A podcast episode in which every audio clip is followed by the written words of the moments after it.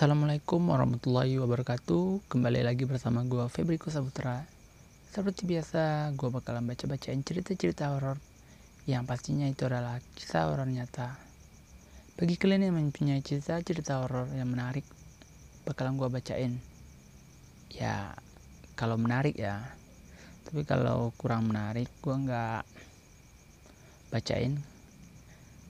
Apalagi sekarang ini gue itu konsepnya harus yang nyata ya ya terserah walaupun dari keluarga kalian dari keluarga kalian dari kalian atau diceritakan sama orang lain yang kalian ketahui tapi itu sifatnya nyata bukan hayalan oke okay? jadi cerita kali ini datang dari Tias Niti Negoro Judulnya itu adalah Teror Genderuwo. Cerita ini sudah mendapat izin dari beliau. Saya akan menuliskan dari sudut pandang orang pertama. Yogyakarta beberapa tahun yang lalu sebelum pensiun, seorang lelaki parubaya yang diikuti oleh makhluk tinggi besar hitam berbulu dan bermata, me dan bermata merah selama tiga hari berturut-turut dan sempat akan dibunuh banyak cerita yang mistis yang ada di dalamnya yaitu ada di pabrik gula seperti makhluk besar dan setinggi cerobong asap yang menutupi cerobong asap tersebut karena kurangnya sesajen yang mengakibatkan produksi gula waktu itu sempat berhenti mendadak. Setelah dijawab, syarat terpenuhi, makhluk itu pun pergi dan mesin-mesin produksi mulai menjalankan kegiatannya. Pabrik gula Madu Kismo adalah satu-satunya pabrik gula dan alkohol atau spiritus di Provinsi Daerah Istimewa Yogyakarta. Pabrik ini mengemban tugas untuk mensukseskan program pengadaan pangan nasional, khususnya gula pasir, diberi nama PT Madu Baru yang kemudian dibagi menjadi dua pabrik yaitu pabrik gula PT Madu Kismo dan pabrik alkohol atau spiritus PS Madu Kismo. Nah, sebuah bangunan besar berusia tua yang berdiri tahun 1955 yang mempunyai halaman yang sangat luas Mesin-mesin kuno serta rel-rel kereta yang menjadi jalan kereta pengangkut tebu akan menyapu dan menguatkan kesan itu. Kali ini bukan itu, tapi saya akan menceritakan kisah seorang lelaki parubaya yang bekerja di pabrik tersebut. Perkenalkan, aku Adi, nama samaran, salah satu karyawan pabrik yang bisa dikatakan sudah menetap. Aku mau berbagi kisah setelah selesai 8 jam bergelut dengan mesin produksi. Hari pertama selama seminggu ini aku mendapatkan jadwal shift siang. Berangkat jam 2, pulang jam 10 malam. Begitu seterusnya. Setiap pergantian shift akan ada suara kau. Begitu orang sini mengucapkan suara keluar dari sebuah cerobong asap yang menjulang tinggi dan besar. Kalau kalian orang daerah sini pasti akan tahu. Suara gauk. Aku bersiap untuk segera berangkat. Kebetulan jarak rumah dengan pabrik lumayan dekat, hanya menempuh 10 menit. Setelah sampai di pabrik, aku bekerja seperti biasanya. Merasakan yang tak kelihatan sudah menjadi kebiasaanku. Selama aku masih menginjak di bangku sekolah menengah pertama, tak kalah di tempat kerja apa pun itu dan bentuknya semua ada di sana. Terdapat pohon beringin yang sangat besar dan tua di dalam pabrik. Semua orang sudah tahu wingitnya tempat itu. Singkat cerita, waktu sudah menunjukkan pukul 10 malam. Suara gauk berkumandang menandakan shift malam itu sudah usai dan diganti dengan shift berikutnya.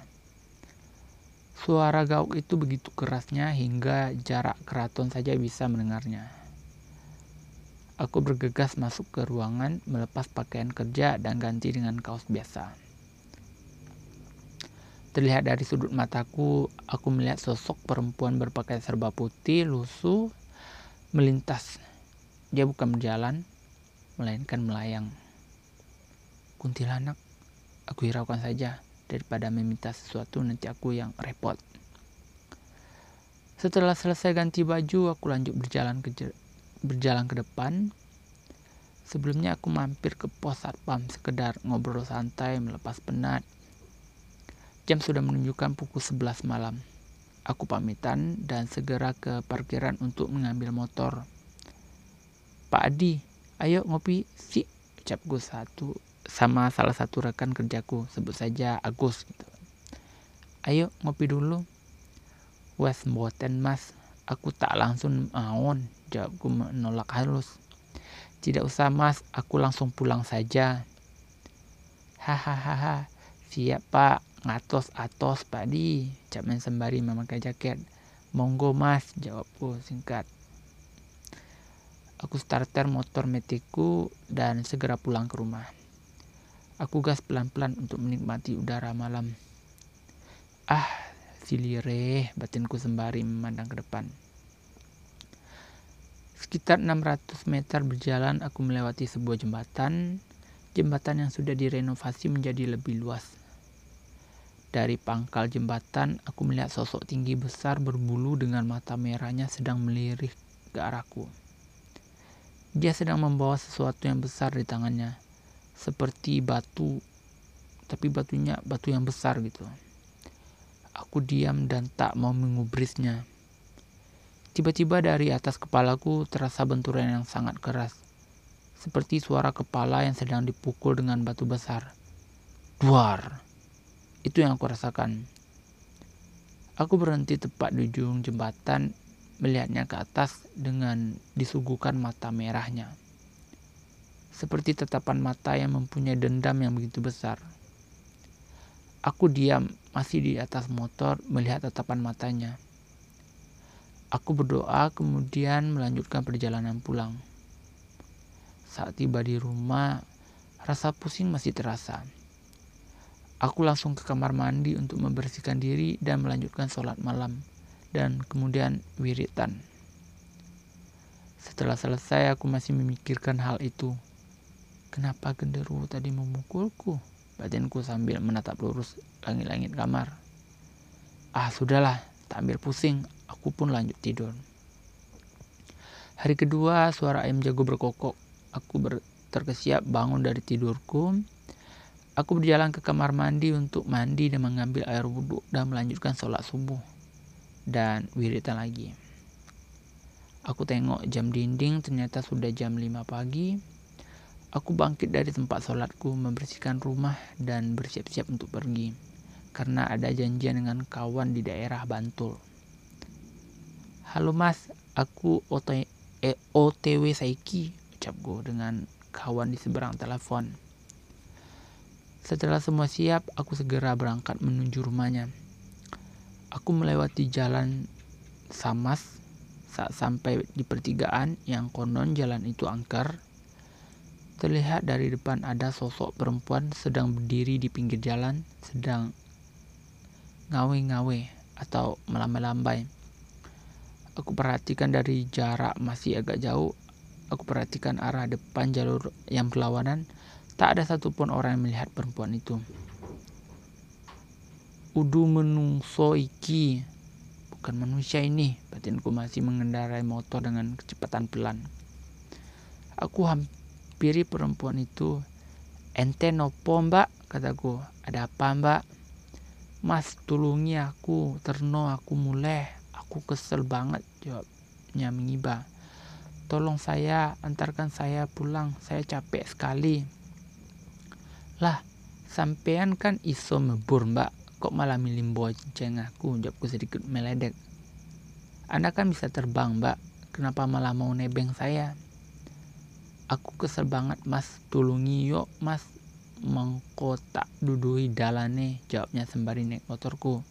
Saya capek mas. Tolong ya mas. Nanti saya kasih tahu jalannya. Ya sudah, Mbak, mari saya antar. Setelah sudah membonceng perempuan itu menunjukkan jalan pulangnya yang menurutku jalannya begitu rumit diingat. Setelah melewati banyak belokan dan tengah sawah yang jauh di sana, akhirnya sampai. Kai mas omahku, ucap perempuan itu sambil menunjuk arah kuburan. Itu mas rumah saya. Saya berhenti, saat berhenti di depan gapura makam, aku sedikit bertanya. Oh mahe, si Andy mbak, rumahnya yang mana mbak? Kai lo mas, kijing paling pojok, jawabnya sembari menunjuk. Itu mas batu nisan paling pojok. Oh yo wes mbak, aku tak lanjut meneh, kataku seraya berpamitan. Ya sudah mbak, saya mau lanjut lagi. Nuwun yo mas, ucap perempuan itu kemudian menghilang. Terima kasih mas. Jih, balasku dengan batin. Aku baru kali ini diganggu pagi buta. Hahaha, ketawaku masih di atas motor. Dan benar saja, jalan keluar menuju jalan raya benar-benar lupa. Aku bolak-balik muter sana sini tidak juga menemukan jalan keluar hanya berputar-putar. Aku berhenti, aku matikan motor, ku pejamkan mata sembari berdoa agar ditunjukkan jalan keluarnya. Dan akhirnya aku sampai di jalan raya dan kulanjutkan menuju rumah kawanku. Singkat cerita, aku sudah di rumah untuk merebahkan tubuhku yang kelelahan, sekedar mengisi tenaga untuk melanjutkan pekerjaanku nanti malam. Setiap Selasa Kliwon dan Sabtu Kliwon ada acara rutin meditasi di rumahku. Waktu sudah menunjukkan pukul 2 siang, suara gauk terdengar di telingaku. Aku bersiap berangkat kerja. Sampai di pabrik, aku mulai aktivitas seperti biasa. Seperti aku pulang dari pabrik jam 11 malam setelah ngobrol santai dengan kawan kerjaku. Kedua kalinya aku dipukul dengan batu besar oleh sosok genderuwo yang menungguku di jembatan. Aku masih diam tidak mau membalasnya. Tapi rasa penasaran itu menambah di benakku. Kedua kalinya aku dipukul batu dan bersyukur pukulan itu tidak mempan olehku. Kulanjutkan perjalanan kembali ke rumah istirahat, sholat, dan wirtan hingga pagi menjelang. Hari ketiga aku dipukul oleh makhluk itu dan ketiga kalinya juga aku berniat untuk meluruskan masalah apa hingga aku mau dicelakai oleh genderuwo itu. Dari kejauhan aku sudah melihat dia menungguku di ujung jembatan, bersiap memukulku, tapi sebelum dia memukul, aku terkesiap menjawab kemauan makhluk itu. Saat berhenti di ujung jembatan, aku fokus dengan batinku. Terlihat Sosok itu berdiri tegak di depanku 3 meter lebih dengan sorotan mata tajam dan membawa batu besar. Masalahmu opo? Kok ket wingi nutuki indasku? Masalahmu apa? Kenapa dari kemarin memukul kepalaku? Aku pengen mateni kowe, jawab genderuwo itu. Saya mau membunuhmu. Lah ngopo? Kok arep mateni aku? aku duwe masalah opo karo bangsamu. Kenapa mau membunuhku? Saya punya masalah apa dengan bangsamu? Aku pengen jiku pusoko sing neng awakmu. Mergo pusoko kui iso nambani anake rojoku. Saya mau saya mau mengambil pusaka yang ada di tubuhmu karena pusaka itu bisa mengobati anak rajaku. Saya bisa menyembuhkan anak dari rajamu, tapi tidak usah dengan membunuhku. Besok malam jam 12 saya tunggu di rumah. Saya beritahu rajaku besok ke sana. Ya sudah, saya mau pulang. Singkat cerita, aku sudah menunggu makhluk itu datang ke rumah. Aku tunggu dengan wiritan malam itu. Tiba-tiba aku mencium aroma khas genderuwo. Sepertinya ada tamu. Aku fokus meditasi, membuka pagar gaib rumah dan membuka mata batinku. Belebu, masuklah. Sebelum saya mau tanya, apa kamu mau membantu membantu bangsa kami? Kenapa menawarkan bantuan? Sudah banyak bangsamu yang saya tolong. Ya sudah, ini anak saya sembuhkan. Ceritanya bagaimana? Kenapa bisa seperti ini? Kulit anak itu terkelupas melepuh akibat terkena air panas. Aku yang melihatnya kaget dan bingung, penuh tanya. Cerita dari sudut pandang genderuwo ya. Kemarin sore di waktu waktu di pantai, anak saya lagi merangkak bermain pasir. Di sebelahnya ada gerobak mie ayam. Tanpa sengaja penjual itu membuang kuah panas tepat di badan anakku. Kembali ke sudut pandang Pak Adi. Aku mendengarkan cerita itu seperti mau ketawa, tapi aku tahan. Lucu aja menurutku. Ternyata kehidupan bangsa mereka sama saja seperti manusia pada umumnya. Kalian mau percaya atau tidak, itu terserah kalian. Tapi ini adalah kisah nyata aku.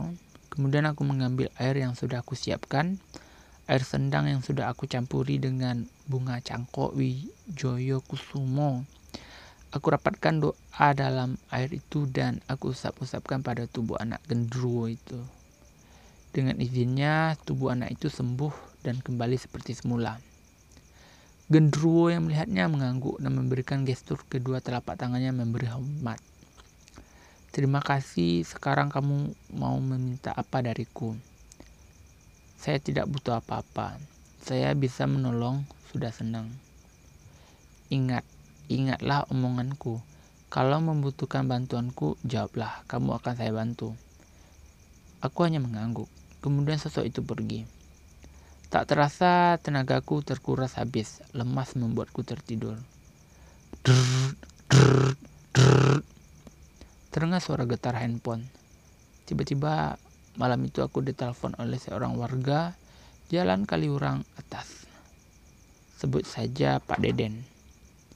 Dia mengabariku ada seseorang yang mencurigakan sedang berada di kolam. Halo, assalamualaikum pak. Waalaikumsalam Pak Adi, jawabnya. Pak Adi, ini di kolam ada orang yang jatuh tapi membawa jaring maling sepertinya. Ya sudah Pak, besok saja saya lihat Menurut pengakuan warga yang melihat, orang itu sudah berada di dalam kolam dan sedang menjaring ikan. Kemudian ada warga yang melihat rencana mau menolong tapi seakan-akan orang yang di dalam kolam tersebut tidak bisa melihat warga yang ada di atas. Ternyata Pak Adi sudah memasang pagar gaib untuk maling. Keesokan harinya jam setengah delapan aku berangkat jalan kali jalan ke Kaliurang. Saat sampai di kolam, aku melihat orang itu sedang kedinginan hingga bibirnya berubah warna menjadi biru. Kira-kira 100 meter dari kolam, aku buka pagar gaib agar bisa menolong orang yang sedang terjebak tersebut. Le, ngapain berendam di kolam dengan nada kedinginan? Saya semalam lewat sini terus terpeleset. Nah, mau naik kolam tiba-tiba ada benteng tinggi banget. Padahal waktu terpeleset tadi tidak ada. Terus teriak-teriak minta tolong tapi tidak ada yang datang menolong. Terpeleset tapi membawa jaring buat apa? Orang itu diam aja, saya akan tahu apa yang dilakukan malam itu. Ya sudah, sana pulang saja besok, jangan diulangi lagi. Singkat cerita, esok harinya kembali beraktivitas seperti biasa. Aku bersama kawanku sebut saja Wardi. Aku dengannya ada urusan di pesisir. Dengan motor metikku melaju pelan, menikmati senja mulai meredupkan diri. Namun hadirnya selalu dinanti. Setelah selesai urusanku dari kejauhan setelah melewati jembatan gantung jika dari arah pesisir, Aku melihat kerumunan warga membawa kentongan yang dibunyikan menyusuri jalan raya. Aku berhenti mencoba bertanya. Ada apa gerangan? Mas, ada apa?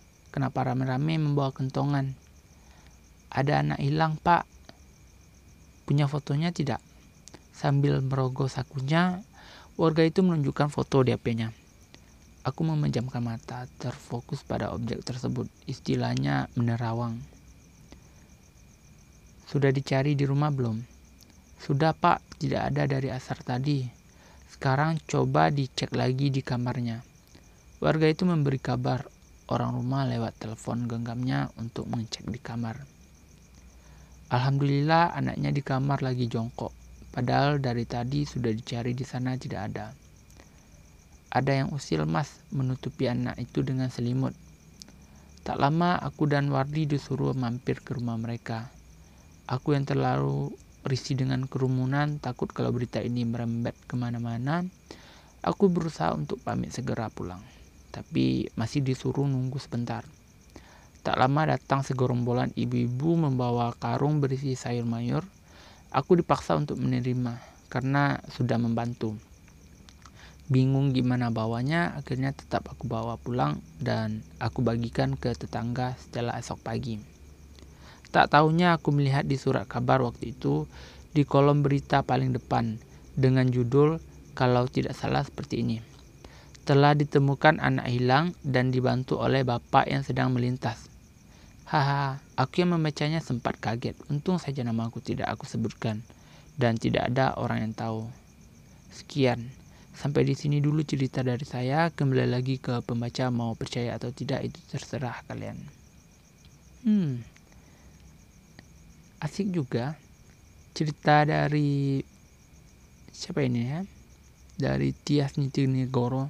Ceritanya menurut gue ini asik-asik juga ya ternyata yang dia ceritain ini adalah bisa jadi ini temannya ya berarti temannya ini mempunyai semacam indigo gitu ya? Berarti ilmunya dia gunain ini untuk yang bermanfaat lah bisa dibilang gitu ya. So semoga mas yang membantu itu tetap diberikan kemudahan rezeki ya karena niatnya itu baik-baik aja ya bahkan yang cerita lucunya itu pas waktu dia nganterin kuntilanak gitu ya gua aja pas mau gua aja yang lagi baca waktu itu yang barusan itu ya itu mau ketawa tapi ya oke okay lah So, sekian ceritanya. Semoga kalian terhibur. Dan sebagai penutup, gue akhiri dengan Assalamualaikum warahmatullahi wabarakatuh.